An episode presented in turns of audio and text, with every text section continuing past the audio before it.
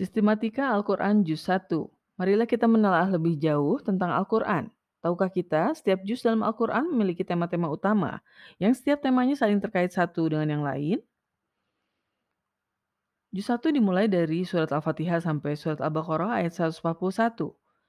Kita telah mengetahui Al-Quran dibagi menjadi 30 juz, berisikan 6.236 ayat dan 600-an halaman tergantung jenis penulisannya.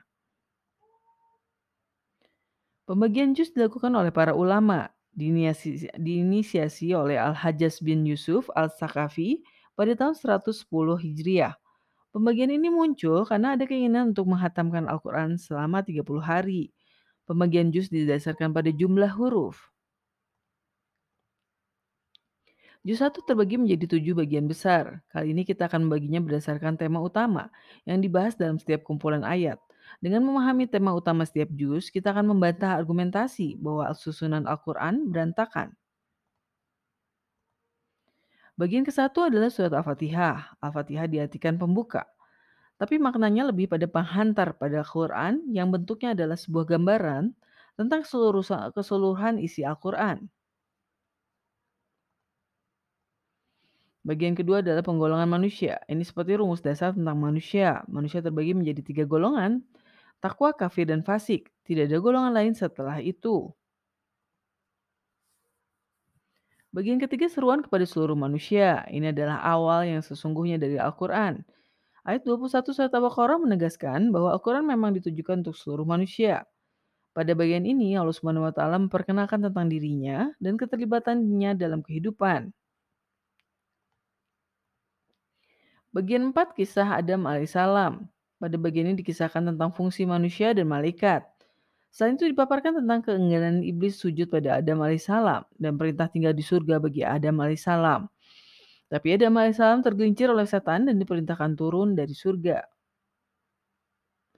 Bagian kelima seruan kepada Bani Israel. Seruan ini ditujukan kepada Bani Israel di zaman Muhammad SAW. Mengapa? Karena tentu saja Allah Subhanahu wa taala mengharapkan dukungan mereka pada dakwah Muhammad Shallallahu alaihi wasallam yang masih baru. Bukankah mereka adalah pemegang panji terakhir kebenaran dari Allah Subhanahu wa taala? Bagian keenam kisah Musa alaihissalam. Allah Subhanahu wa taala membangun kembali keimanan Bani Israel di zaman Muhammad Shallallahu alaihi wasallam dengan mengingatkan dan meluruskan mereka tentang kisah Musa alaihissalam. Kisah Bani Israel dimulai dari kisah Musa alaihissalam walaupun mereka keturunan Yakub alaihissalam. Bagian ketujuh kisah Ibrahim alaihissalam. Pada bagian ini dibukakan kisah tentang Ibrahim alaihissalam versi Allah Subhanahu wa taala. Karena Bani Israel selalu berargumen bahwa Ibrahim alaihissalam adalah Yahudi ataupun Nasrani. Padahal dia tidaklah musyrik dan seorang muslim seperti juga Yakub alaihissalam. Keterkaitan antara Al-Fatihah dan golongan manusia. Hal yang menarik adalah dari setiap bagian selalu ada keterkaitan antara bagian sebelumnya. Keterkaitan Al-Fatihah dengan bagian kedua adalah pada Al-Fatihah sudah dipaparkan tiga golongan manusia, tapi dengan pengungkapan yang berbeda. Lalu Allah Subhanahu wa taala mendefinisikan ulang dengan bahasanya. Keterkaitan antara golongan manusia dengan seruan manusia di bagian ketiga. Kita jadi memahami ternyata seluruh manusia diseru untuk menjadi orang bertakwa. Maka petunjuk Al-Quran Bukan untuk sebagian manusia, tapi untuk seluruh manusia. Karena Al-Quran adalah langkah yang harus ditapaki untuk meraih ketakwaan. Keterkaitan antara seluruh manusia dengan kisah Adam alaihissalam. Ternyata keterkaitan tiap bagian bukan hanya bagian dari sebelumnya, tapi juga bagian yang terdahulu. Bukan hanya manusia modern yang diseru untuk mengikuti kebenaran dari Allah Subhanahu wa Ta'ala, melainkan seruan ini juga berlaku sejak Adam alaihissalam. Karena telah terbukti Adam alaihissalam belum mampu menjadi orang bertakwa sehingga tergelincir oleh setan.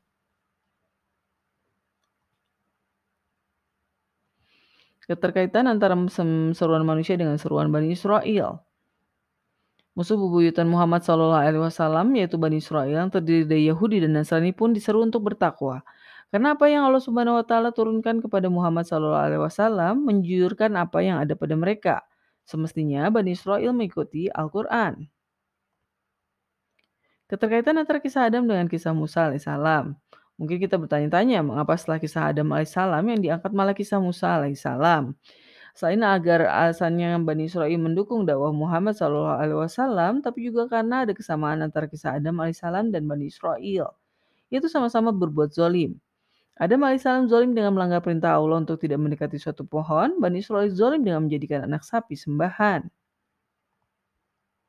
Keterkaitan kisah Musa alaihissalam dengan kisah Ibrahim alaihissalam. Hal yang paling digarisbawahi tentang kisah Ibrahim alaihissalam dan mengapa ditempatkan setelah kisah Musa alaihissalam adalah karena Bani Israel mengakui Ibrahim alaihissalam adalah Nabi Allah subhanahu wa taala. Karena Yakub alaihissalam adalah turunan Ishak dan anak Ibrahim alaihissalam. Sayangnya mereka malah mengklaim jika Ibrahim alaihissalam adalah Yahudi ataupun Nasrani. Penjelasan Al-Quran uh, tidaklah terputus. Kita bisa melihat bahwa semua bagian dari Al-Quran saling terkait dan saling menjelaskan. Memang jika kita membaca Al-Quran per ayat, kita mungkin tidak akan langsung melihat keterkaitannya. Itulah mengapa kita harus membacanya setiap bagian secara keseluruhan dan mengaitkannya dengan bagian selanjutnya.